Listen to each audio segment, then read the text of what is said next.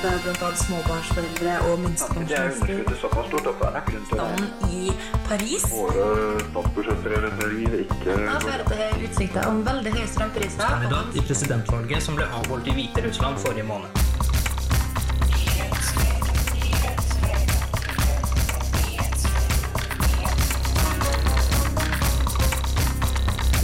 Nyhetsfredag.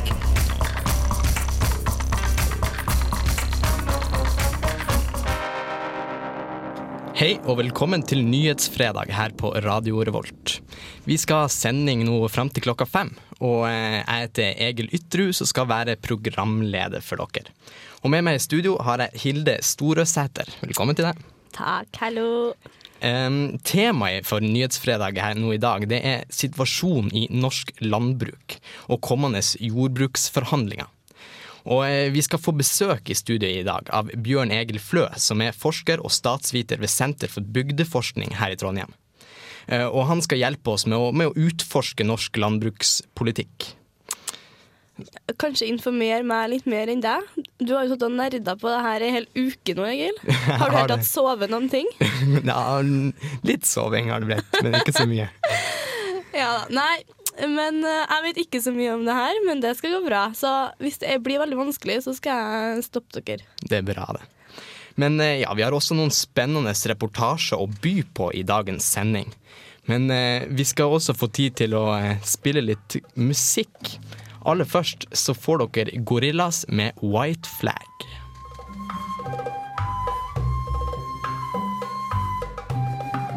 Look, yo, no castaway, no survivor. I ain't lost and this ain't shipwrecked. I feel small in this big wide world, and mommy ain't said, honey, I shrunk the kids yet.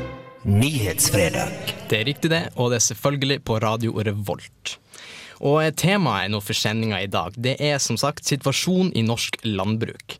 Men skal man diskutere landbruk, så er det selvfølgelig nødvendig å ha med en representant for selve næringa. Jeg dro derfor til Hummelvik rådhus i Malvik kommune for å snakke med Knut Sjøvold. Han er tidligere bonde, nå varaordfører for Senterpartiet, og han er leder for Sør-Trøndelag bonde- og småbrukarlag. Han har vært leder for hele småbrukarlaget nasjonalt, og han har deltatt i fem jordbruksforhandlinger. Sjøvold kjenner dermed norsk landbruk både fra sine egne erfaringer som bonde, men òg som deltaker i den politiske dragkampen om landbrukssubsidier. Ja, vi har kommet til en grense. altså. Så nå må noe skje. Både i form av at det vises vilje, ikke minst i vårens jordbruksoppgjør, til å vise en annen retning. Og det må komme en stortingsmelding som inneholder noe mer tall enn sidetallene. Det er det som skal til for å, for å få en framtidstru i jordbruket. Knut Sjøvold er varaordfører for Senterpartiet i Malvik kommune. Han har tidligere vært melkebonde, men ga bruket videre til sønnen sin. Og han er nå leder for Sør-Trøndelag bonde- og småbrukarlag, og var tidligere leder for hele småbrukarlaget. Sjøvold beskriver situasjonen i norsk landbruk som dramatisk. For det er dramatisk, det som skjer nå. Vi har jo hatt en bruksnedgang vet du, som er enorm. Situasjonen er så dramatisk at Ja, jeg syns den er dramatisk, for det skjer eh, Ja, det går jo i en retning, da. De som vil drive stort, kan du si. Og så kommer jo de opp i et økonomisk uføre. Så det òg går ikke. Ja, du kan si småene, da. De går nå heller en sakte død i møte. En sakte død i møte for mindre bruk, i form av nedleggelse og konkurser. Sentralisering, industrialisering og økt bruk av kunstgjødsel for store gårder. Lavt inntektsnivå, lavere sjølforsyningsgrad og færre sysselsatt i hele næringa. Sjøvold peker på rammebetingelser. Vi er avhengig av rammebetingelser, selvfølgelig. Og det er det politikerne som må, må skaffe oss. Og den dagen vi ikke har et jordbruk i Finnmark, sier jeg, da, da er vi ute å kjøre. Så stortingsmeldinga må vise en annen retning. Ellers så mener jeg at, eh, at jordbrukspolitikken har spilt fallitt. Det er også mange andre som argumenterer for kursskifte i jordbrukspolitikken. Ulike folk fra Senterpartiet lokalt, Norges Bondelag og Småbrukarlaget har vært ute i media og satt krav i forkant av jordbruksforhandlingene. Men nå eh, legges lista høyt, og det har vi gjort i mange år. da. Eller eh, under at den rød-grønne regjeringa kom inn i posisjon, så har det vært røster som har ropt om, om store summer, altså. Men jeg føler at det er, det er noe ekstra på gang i år, da. Jeg tror nok at det er, det er reelt, altså. Det er et reelt behov for at det må komme et løft. Så tror du denne politikken er, er bevisst? At, at politikerne ønsker denne utviklinga vi ser i norsk Det landbruk? Det er bevisst. Veldig bevisst. Politikerne ønsker færre bruk, større enheter, Ja, det er klart, fordi at, fordi at produksjon det, det er ikke noe sånt, Produksjon går ikke noe ned. Produksjon holder opp sant, med volumene. Da blir det innkjøpte eller importerte innsatsfaktorer i form av uh, kraftfôr. Men da blir det ikke et jordbruk, spør du meg. Da er det mer en industri. Videre etterlyser Sjøvold at flere er med å kjempe for norsk landbruk. Altså Et paradoks vet du, at det er bøndene som skal kjempe for å opprettholde en matproduksjon. En næring som er underbetalt. Vi kunne ha gått ut i arbeidslivet på dagen og fått oss godt betalte jobber. Men bøndene de vet hvor sårbart dette er. Det er selvfølgelig fine yrker òg, men det er jo det at vi vet det er så viktig det vi gjør. Det er jo den viktigste næringen. Og så skal det være underbetalt. Det henger ikke på greip. Egentlig så skulle forbrukeren stått på barrikadene for at bøndene kan få lov til å produsere mat. Vi skal følge med.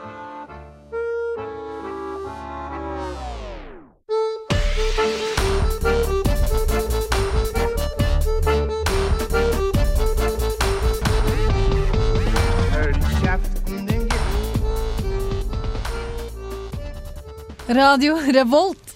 Yes, og du hører på Nyhetsfredag, og du, du hørte der, det var Bingoriot med, Bingoriot med Sur Sur. Den syns jeg passa så bra, så den måtte vi få med.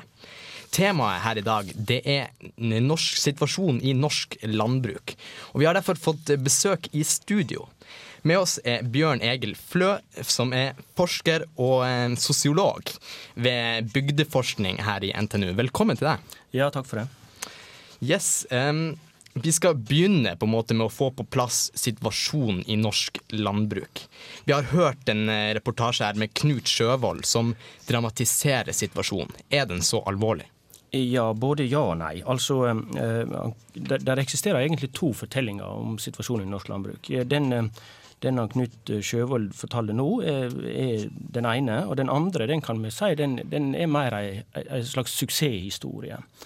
Og, og suksesshistorie, og det er liksom det at eh, den strukturrasjonaliseringa som han for så vidt problematiserte, den ser han på som en, eh, som en suksess.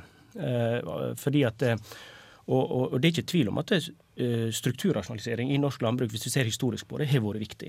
Altså Den har frigjort arbeidskraft fra landbruket og over på industrien, og det har vært med på å bygge velstanden og velferden i dette landet her på, på mange måter. Så, så sånn sett, og så- og så suksessen oppi det hele, tatt, samtidig som har gjort det, så har det vært en ekstrem produksjonsøke. Altså produktivitets- og effektivitetsøke i, i landbruket. Eh, slik at det han i dag, eh, med, med, med rundt de 45 000 bruk, eh, er, er på en måte har den samme nivået av matpro matproduksjon som vi hadde når vi må det mangedoble eh, i tallet på bruk. Så, og der ligger suksessen. Eh, men, men det er klart at det Det som jeg tror skjer akkurat nå, det er vel at eh, vi er i ferd med å, å, å, å nå ei slags tålegrense for hvor få bønder vi kan verte. Eh, eh, Nettverksteoretikerne snakker om noe de kaller, de kaller terskelverdier. Altså det er, det er hvor få bønder kan vi bli i ei grend. Eh, Hvor få bønder kan vi bli i ei kommune. Hvor få bønder kan vi bli i et fylke, og hvor få bønder kan vi bli i landet? Og så samtidig greie å opprettholde kompetanse og kunnskapen om eh, matproduksjon. Ja, for, for det, det handler om eh, sentralisering og, og strukturering, bruker man jo på en måte å kalle det. Hvor, hvor er det landbruket nå sentraliseres? Ja, det, så, eh, det, det skjer en sånn gradvis eh, forskyving, altså ifra, ifra eh, et landbruk i hele landet til nå å, konsentrere seg rundt de, de, den beste matjorda, som du da finner i Trøndelag, Jæren og på låglandet østafor. Og, og selv om der også, alle plasser skjer det avskaling i tallet på bruk, men, men hvis vi ser på, på avskaling av f.eks. østafor, så, så ligger, de siste eh, 15 åra så ligger den ca. på ei eh, Jeg tror ikke jeg tar mye feil hvis jeg sier ei 20 eh, men på, på, Vestlandet så er vi oppe i nesten 50 altså 47 avgang, bruksavgang. Og så det vil si at det har blitt mindre bønder, men større gårder? da? Ja, helt korrekt. Langt flere bønder og langt større gårder.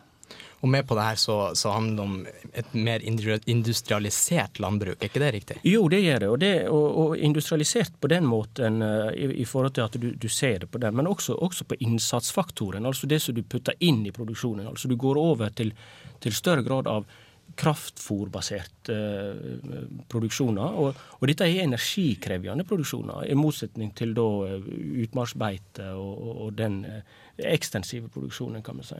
Og så er produksjonen gått over fra, ja, fra sau og ku, og så er det mer, det er mer svin og, og, fugler som det er lettere å putte i fjøs? Ja, ja det også, men også litt fordi at de har svart og respondert på et marked også her. og det og det igjen eh, fører oss litt tilbake til, til kan si, hele utgangspunktet for, for norsk landbrukspolitikk. Det har på en måte hele tida hatt en sånn voldsomt stor merksemd mot forbrukeren og, og, og, og forbrukeren sitt ve og vel. Eh, så utgangspunktet for hele jordbruksforhandlingene og jordbruks, eller kan man si, avtaleverket i jordbruket har jo på en måte da vært forbrukeren og, og at den skulle sikre rimelig og stabil og god matvaretilgang til forbrukeren.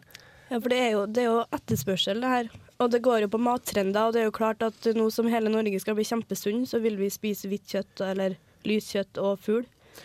Ja, ja men, men, det som samtidig må ha med seg oppi her, det er jo at eh, du skal ikke være så Det er ikke sikkert det er eh, energieffektiv måte å produsere på. Eh, selv, om det, selv om det vi vil ha eh, kjøtt, så, så, betyr ikke det at det, det, det nødvendigvis er det som skal produseres til Norge. Men Kan vi gå litt over på, på den økonomiske situasjonen til bønder i Norge, og kanskje spesielt småbønder, der man finner i Nord-Norge og på Vestlandet, der brukene i aller størst grad legges ned. Så hvordan er det å være bonde i dagens Norge? Eh, det er ikke noe gullgruve. Eh, det er det definitivt ikke. Det er, det er, det er ekstremt lite penger i landbruket for tida. Eh, og særlig der som du nevnte der. Og, og, og det, er jo, det er jo også hovedgrunnen til uh, bruksnedlegginga. Det, det, er jeg helt overbevist om. Um, det, det, er grenser for hvor lite penger uh, de orker å tjene. Og så Samtidig så er det tilgang på annet arbeid i mange av disse plassene. her, altså. Og Da tar jeg helst det. Ja, her, Jeg fikk sånn, et hefte fra han Knut Sjøvold, den bonden dere hørte et, et, et, utklipp med. Og her ser vi en, en graf over sammenhengen mellom eh, mellom ja, sammenlignende yrkesgruppe og bønder, og vi ser det her at ja, bønder ligger på, i underkant av 200 000 i inntekter, mens sammenligna ligger andre grupper ja, over 300 000, opp mot 400 000. Tror du det her representerer riktig? Tjener bønder så, så, lite som under 200 000? De gjør nok det. Og denne her eh, grafen som du viser her nå, den er, den er nok korrekt, den altså. Og, og, sånn sett så, Men dette her har på en måte vært virkeligheten i lang tid. Eh, helt tilbake til, til, til 75 så var jo for så vidt eh, grunnlaget for dette her såkalte Hitra-opprøret, da når bøndene gjorde et opprør. Det var jo det at eh, bøndene tenkte eh, så lite, ned, ned mot 60% mindre enn en industriarbeideren gjør. Og, og, i dag er vi kommet dit igjen. På, men imellom der så er det liksom bare noen få år. Eh, kanskje 80 80 eller 81 eller rundt der, at det faktisk inntektene i landbruket var tilsvarende det som du fant i, i sammenlignbare næringer. Ja, vi skal gå over til å diskutere litt den politiske delen av landbruket i Norge, om rammebetingelsene som kommer fra jordbrukspolitikken. Um, så vi skal derfor snu fokus over på det politiske perspektivet. Um, men først skal dere få høre en reportasje om hva folket på uh, gata synes om norsk landbruk. Men vi må selvfølgelig ha litt mer musikk aller først. Dere får The New Wine med Bridge.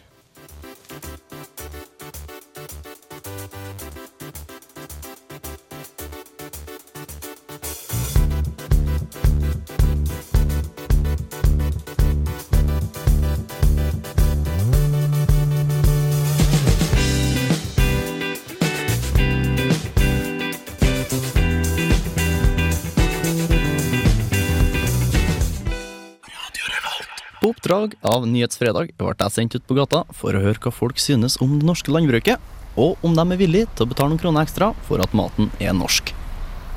Når du er på butikken, hva er viktig for deg? Er det at maten er billig, eller at den er norsk? Nei, Jeg tenker ikke veldig mye over det, men eh, velger som oftest norske produkter. Det tror jeg.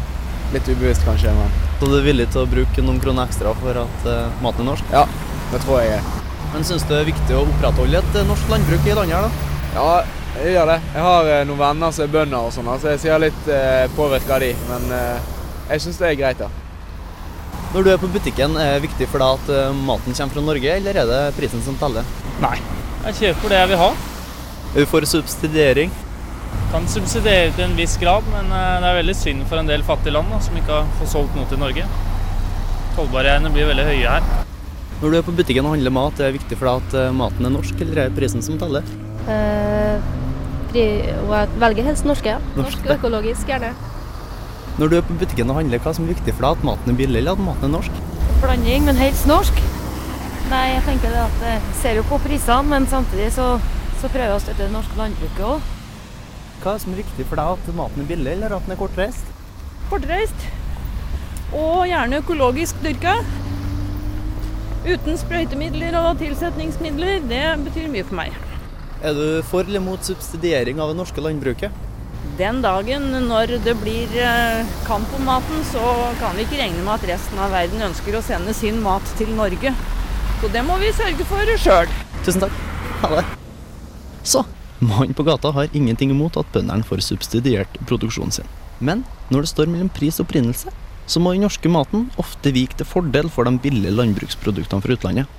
Så er spørsmålet om vi skal kjøpe for å støtte fattige bønder andre steder i verden, eller om vi skal opprettholde et landbruk så vi er kapable til å forsyne oss sjøl med mat når det er behov for det. Yes, det var Ørjan Strømmen som ga oss en innføring om hva vanlige folk synes om norsk landbruk. Og vi har jo sett i, i denne sendinga hittil at jordbruket opplever en omstrukturalisering, rett og slett. Det er en ja, nedgang i antall småbruk, det er en industrialisering og en sentralisering. Og det er mange som ute i media som krever ja, krever en ny retning i jordbrukspolitikken pga. denne utviklinga. Det er folk fra Senterpartiet lokalt og folk fra bondeorganisasjonene som har vært ute i media og sier at dagens situasjon er ikke holdbar. Og da vil denne nye retninga måtte komme i jordbruksforhandlingene, som bestemmer de økonomiske kårene til norske bønder. Så Bjørn Egil Flø, du er forsker og sosiolog ved Bygdeforskning. Kan du aller først gi oss en liten innføring i jordbruksforhandlingene? Hva er de her forhandlingene, og, og hvordan fungerer de? Ja, jeg vet ikke hvor mange timer du har sending du har, for jordbruksforhandlingene er kompliserte saker. Så, men, men, i utgangspunktet så er det, så er det en forhandling mellom staten og jordbruket, eh, altså landbruksnæringa, eh, så, eh, så bestemmer da maksimalpriser for jordbruksvarer, inklusiv korn, og, og samt disse her andre økonomiske størrelsene som, påvirker jordbrukets mulighet til å skaffe seg næringsinntekter. Og dette her er jo et, det er jo et relativt gammelt system, men det blir jo stadig revidert og forandra. Det er jo helt Jeg tror det stammer egentlig fra noe som kalt hovedavtale for jordbruket av 1950. Men selv før 1950 så fantes denne her ordninga, denne forhandlingsordninga. Kan vi si det at jordbruksforhandlingene er en forhandling om hvor store subsidiene fra staten skal være til jordbruket? Ja, det, det kan du for så vidt si at det det, det begynner å ligne mer og mer på. Men i utgangspunktet så er det tufta på ønsket om å sikre forbrukeren stabil og, og, og, uh, matvaretilgang og lave priser.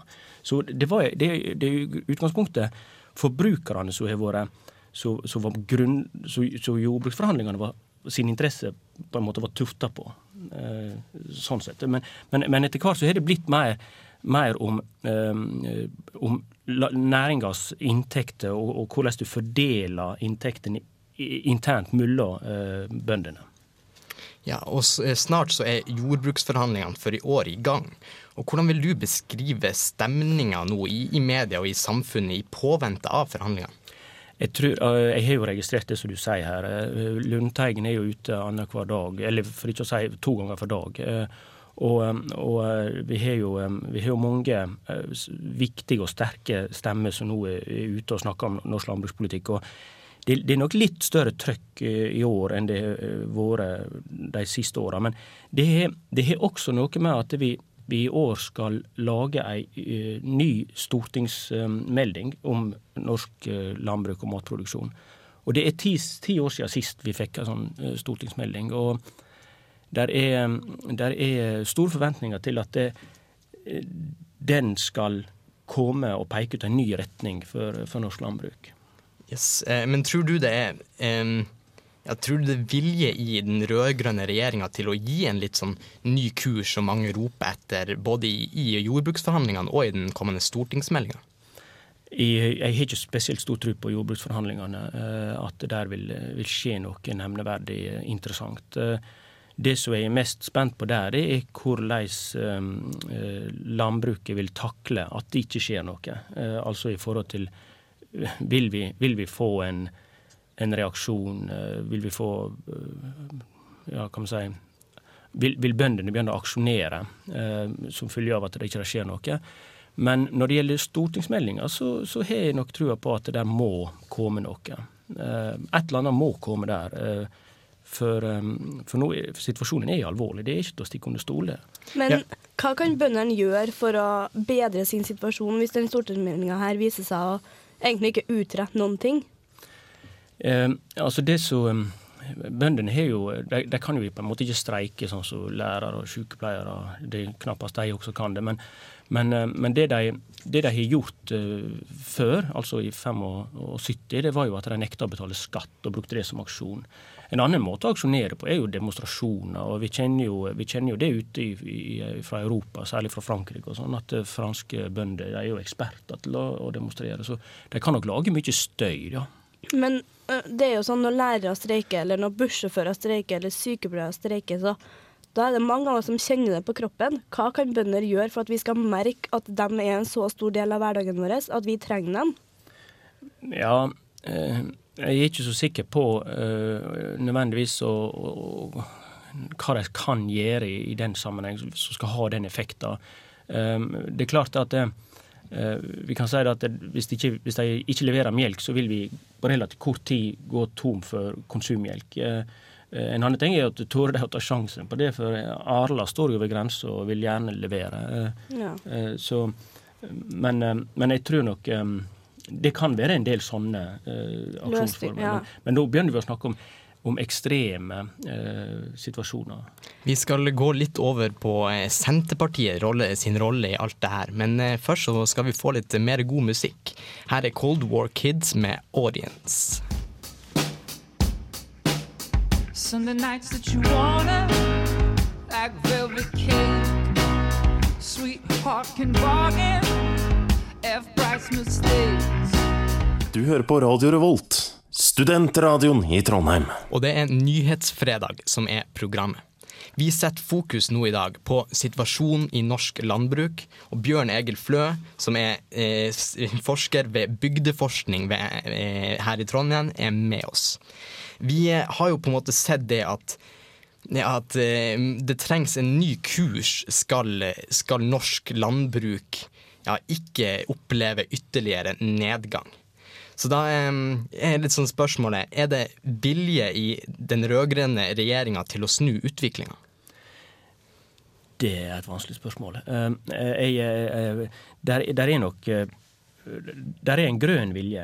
Senterpartiet har lyst til å gjøre noe med det her. Men, men om de evner, da, det er jeg ikke så sikker på. Så, og det er jo det, det som er den store nerven i årets oppgjør.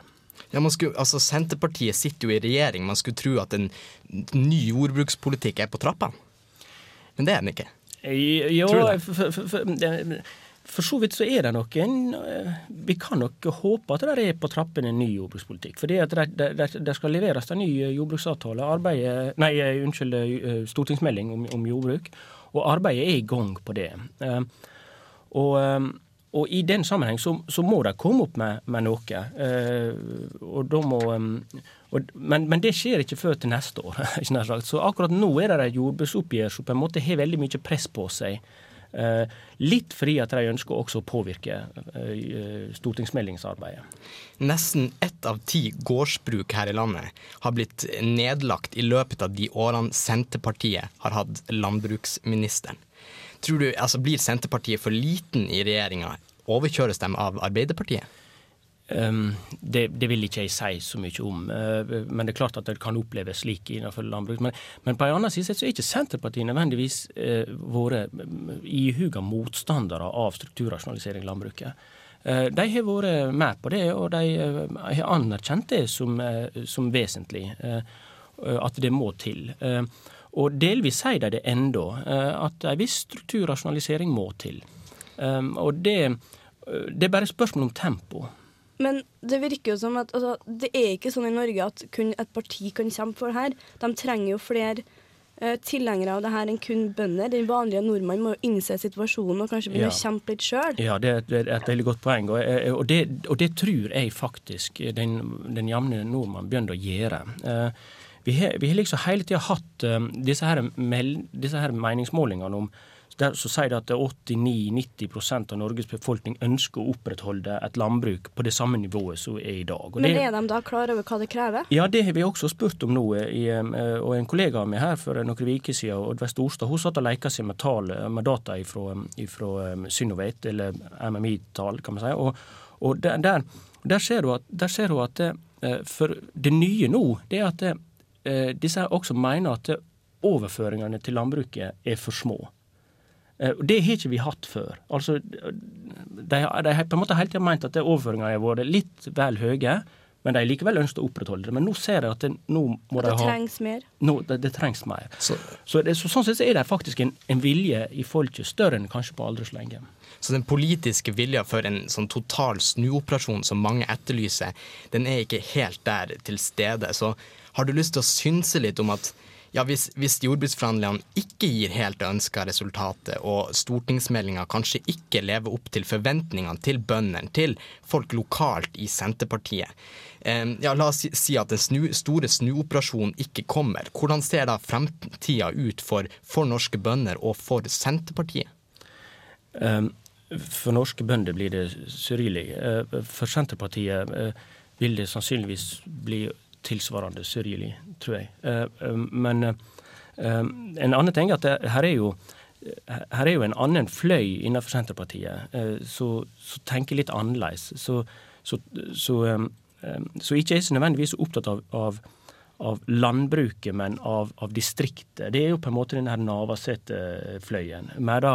da trønderfløyen er liksom arven etter Johan J. Jacobsen og Ola Borten Moe og disse her nå. Så setter, og de er veldig, de er veldig landbruksopptatt, kan vi si. da. Så, så det kan godt hende Senterpartiet driver og omstille seg fra landbruk til distrikt i større grad, eh, og bli et distriktsparti mer enn et landbruksparti. Men jeg føler kanskje at det trenger ikke å være sånn at man skal være tilhenger av Senterpartiet for å ønske at det skal skje en utvikling her.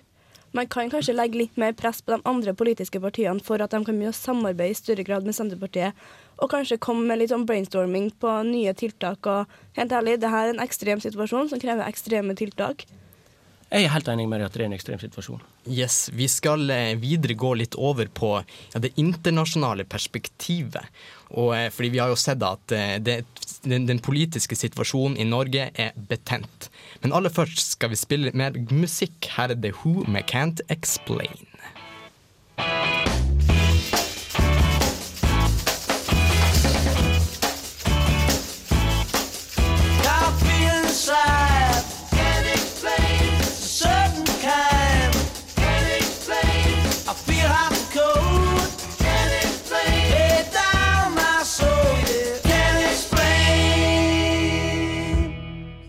Nyhetsfredag. Og radiokanalen er Radio Revolt, og Bjørn Egil Flø er med oss i studio for å diskutere den norske landbrukspolitikken. Men nå, nå, skal vi løfte blikket, og vi skal se litt på norsk landbruk i et internasjonalt perspektiv. Men da må vi nesten først få på plass hva det internasjonale perspektivet er. Og eh, For en tid tilbake så var begrepet matvarekrisa i overskriftene. Eh, Bjørn Egil Flø, er matvarekrisa over? Det er jo uh, egentlig ikke. Uh, selv, om, selv om disse her voldsomme eh, høye prisene eh, er, for så vidt ikke eh, der lenger. Eh, men, eh, men fortsatt så, så er, de, eh, er, er de samme elementene og drivkreftene til stede. Så de blir sterkere og sterkere. Altså at eh, denne pandaen i øst eh, slutter å ete bambus og begynner å ete litt sånn som oss. Eh, Kjøtt og, og det som bedre er. Og, og, og, det, er, det, er, en, det er en ekstrem effekt på, på verdens eh, matvaresituasjon. Og, um, og så har vi også disse her store eh, elementene, altså klimaeffekter. altså Det at 25% av, eh, av matjorda i Australia, Midtvesten i Amerika, er, på en måte er, er totalt ørken for, av denne her forsaltninga, eller salinity-problemet. Så, så vi har vi, også, også, også det, det tredje elementet da, det er jo dette her biodrivstoff, som vi egentlig ikke har sett noen effekt av ennå, men, men så, så fortsatt eh, står der som et, eh, som et trugsmål mot matvareproduksjonen. Ja, så det, det er jo også i verden det er en befolkningsøkning, og det er økt etterspørsel etter kjøtt pga. Kina og India, og generelt økt velstand. Og vi har jo også det at flere land i sør er mat De importerer mat, rett og slett.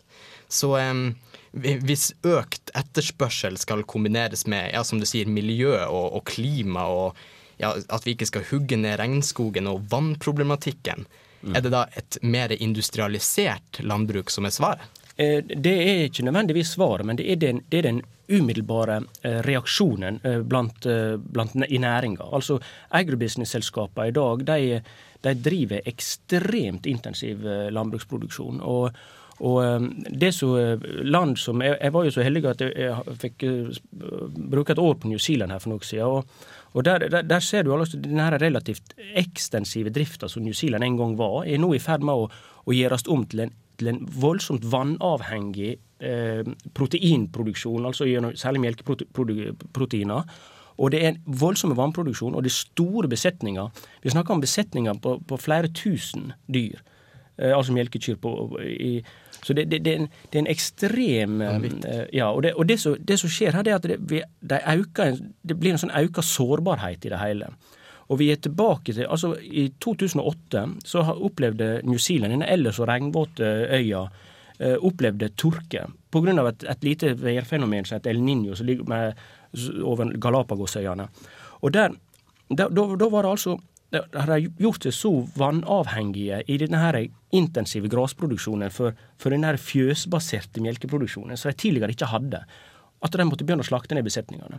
Og da, var det så mye dyr som skulle inn på slakteriet at slakteriet nekta å ta imot. Så dyra dauda på markene. Uh, og, og, og det, det, det, det enda med, det det enda med, er at, at bøndene hengte seg i uthuset. Og, og selvmordsraten på New Zealand tangerte den, eh, det nivået de var på i 1985, da all landbrukssubsidie i New Zealand var tatt vekk ifra det. Så det er en ekstremt sårbar situasjon vi holder på å føre oss inn i hvis vi skal fortsette denne intensiv intensiviteten. Vi skal kombinere altså økt matproduksjon pga. befolkningsøkning med å ta vare på jorda. Hvor er, hvor er Norge i alt det her? Ja, det, det er et godt spørsmål. Og jeg tror det som vi må tenke på her eh, Vi har en, vi har en kostbar produksjon. Eh, vi må tenke på matvareberedskap i forhold til det å holde to ting i hevd. Det ene er eh, produksjonspotensialet, altså jordarealet. Holde, holde det i hevd. Og så må vi, også holde i hevd kompetansen om å, å- drive jordbruksproduksjon. Altså det å kunne, det å kunne stikke ut ei grøft. Kan du det? Nei. Nei. Eh, og du hadde sikkert ikke kunnet greit å lese deg til det heller. Eh, det det er noe du bare, må, du bare må, må lære å gjøre noen ganger. Og for å, for å lære å kunne dette, her, så må du drive aktivt jordbruk. Men er du redd for at det her forsvinner med den generasjonen som er bønder nå? Eh, Ikke med bøndene, eh, men, men det, det forsvinner når bøndene slutter å være bønder. Og ikke lære sine sønner og døtre og Ja. barnebarnet her. her? Og vi, Norge importerer jo vanvittig meng mengder med kunstgjødsel som, som brukes til å fòre det her industrijordbruket som holder på å, å dukke opp også i Norge. Og Man kan jo dermed påstå at selvforsyningsgraden i Norge er på vei ned. Er du enig i det? Ja, det er vi, det, og det er et godt poeng. Altså Særlig, særlig det at det, eh, i dag så importerer vi eh, 45 av, eh, av kraftfôret. Eh, for bare ti år siden så pro- improduserte- impro, importerte vi kun eh, 25% Det har gått opp med 50% produksjon i ja, mat Nei, ja, ja, omtrent. Nesten. Produksjon av mat i Norge skjer på, på utenlandske ressurser. Men vi må rett og slett eh, si takk for i dag, og takk for at du var med, med oss eh, i dag i sendinga. Bjørn Egilflø. Sjøl takk. Yes, um, dere skal nå få høre en sang kalt eh, Run med Wu-Tang versus The Beatles. Hey, yo, from the eighth floor step, hit the ground, the pound fell, cops is coming, so run. Hop fences, jump over benches when you see me coming, get the fuck out the entrance. Run, fuck that, run. Cops got guns, motherfucker. Du hører på Radio Revolt, studentradioen i Trondheim. Programmet er Nyhetsfredag, og dere har fått høre det at vannproblematikk er også en del av på en måte matsituasjonen internasjonalt. Men eh, kampen om verdens vann står også i trønderske dagligvarebutikker. Her får dere eh, Sondre Munthe Kaas sin reportasje om det. Press, Redd Barnas ungdomsorganisasjon, startet torsdag sin nye kampanje Er det ikke vanvittig i Trondheim og i landet generelt. Målet er å sette fokus på store selskapers oppkjøp av vannressurser i den tredje verden, for så å selge dyrt flaskevann til lokalbefolkningen. To av disse selskapene, franske Veolia og Suez, har det norske oljefondet investert over en milliard kroner i. I Norge er vann en offentlig tilgjengelig ressurs vi ikke tenker videre over. Dette ønsker Press å gjøre noe med. Hei, eh, jeg er Linni Sofie Ellefsen. Eh, Vi står nå utenfor Rema 1000 på Bakklandet. Og vi er i ferd med å gå inn i butikken og klistre klistremerker på alle vannflaskene vi kan finne, hvor det står Store selskaper selger dyrt vann til fattige folk. Press, Redd Barna Ungdom mener at barns rettigheter ikke skal koste penger. Man skal iallfall ikke tjene seg rike på rettighetsbrudd. Vi fulgte med dem på aksjonen. Kan dere prøve å de- demonstrere på en annen måte, istedenfor at dere må komme hit og gjøre det sånn her? Ganske raskt ble det bråk mellom butikkens ansatte og press. Så enkelt er det. Flere hærvar. Det er faktisk ikke Altså, det er ikke noe at vi, vi er ikke imot alle deres sak. Vi er glad for at dere gjør det dere holder på med, liksom. Det er ikke det, men eh, når det blir sånn at dere må ødelegge og klistre på ting og Jeg, for å være helt ærlig, så syns Jeg vil ikke kalle det hærverk. Det er kanskje vi tar opp reklameplass. Her vil jeg se noe mer av. Ok. Når dere prøver å gjøre det her igjen, så neste gang skriver jeg annonse på det. Kjøpmann Kai Petersen, som er butikksjef på Rema 1000 Bakklandet, liker dårlig at hans vannflaske blir brukt til å statuere et eksempel for byens befolkning. Han mener Press med sin aksjon driver sabotasje på hans produkter. Jeg syns det er dumt. Det er det. Og når folk kommer inn i butikken her eh, og setter på klistrelapper, så ødelegger de varen. De ødelegger emballasjen. Og det, det er sabotasje. Sabotasje er samme som tyveri. Det blir anmeldt. Så som butikksjef så er det umulig. Ja. Jeg må jo være sånn så nøytral som jeg kan være. Selv om jeg har jo en mening sjøl. Yes, det var Sondre Munthe K sin reportasje. Nyhetsfredag er ja, nærmer seg slutten nå. Ja. Så eh, vi har jo hatt en, en, ja, en, en meget interessant. Ja, en meget interessant diskusjon med, i, nå, nå i dag om landbrukssituasjonen i Norge. Og det, vi kunne jo snakka om det temaet der med, i tre timer, om ja, vann og alt mulig. Men vi, eh, istedenfor å gjøre det, Vi så avslutt. vi avslutter vi og kjører i gang med noe herlig musikk. Her er Wasabi med 'Singing Basement Freaks'. Ha det bra. Nyhetsfredag. Du hører på Radio Revolt, studentradioen i Trondheim.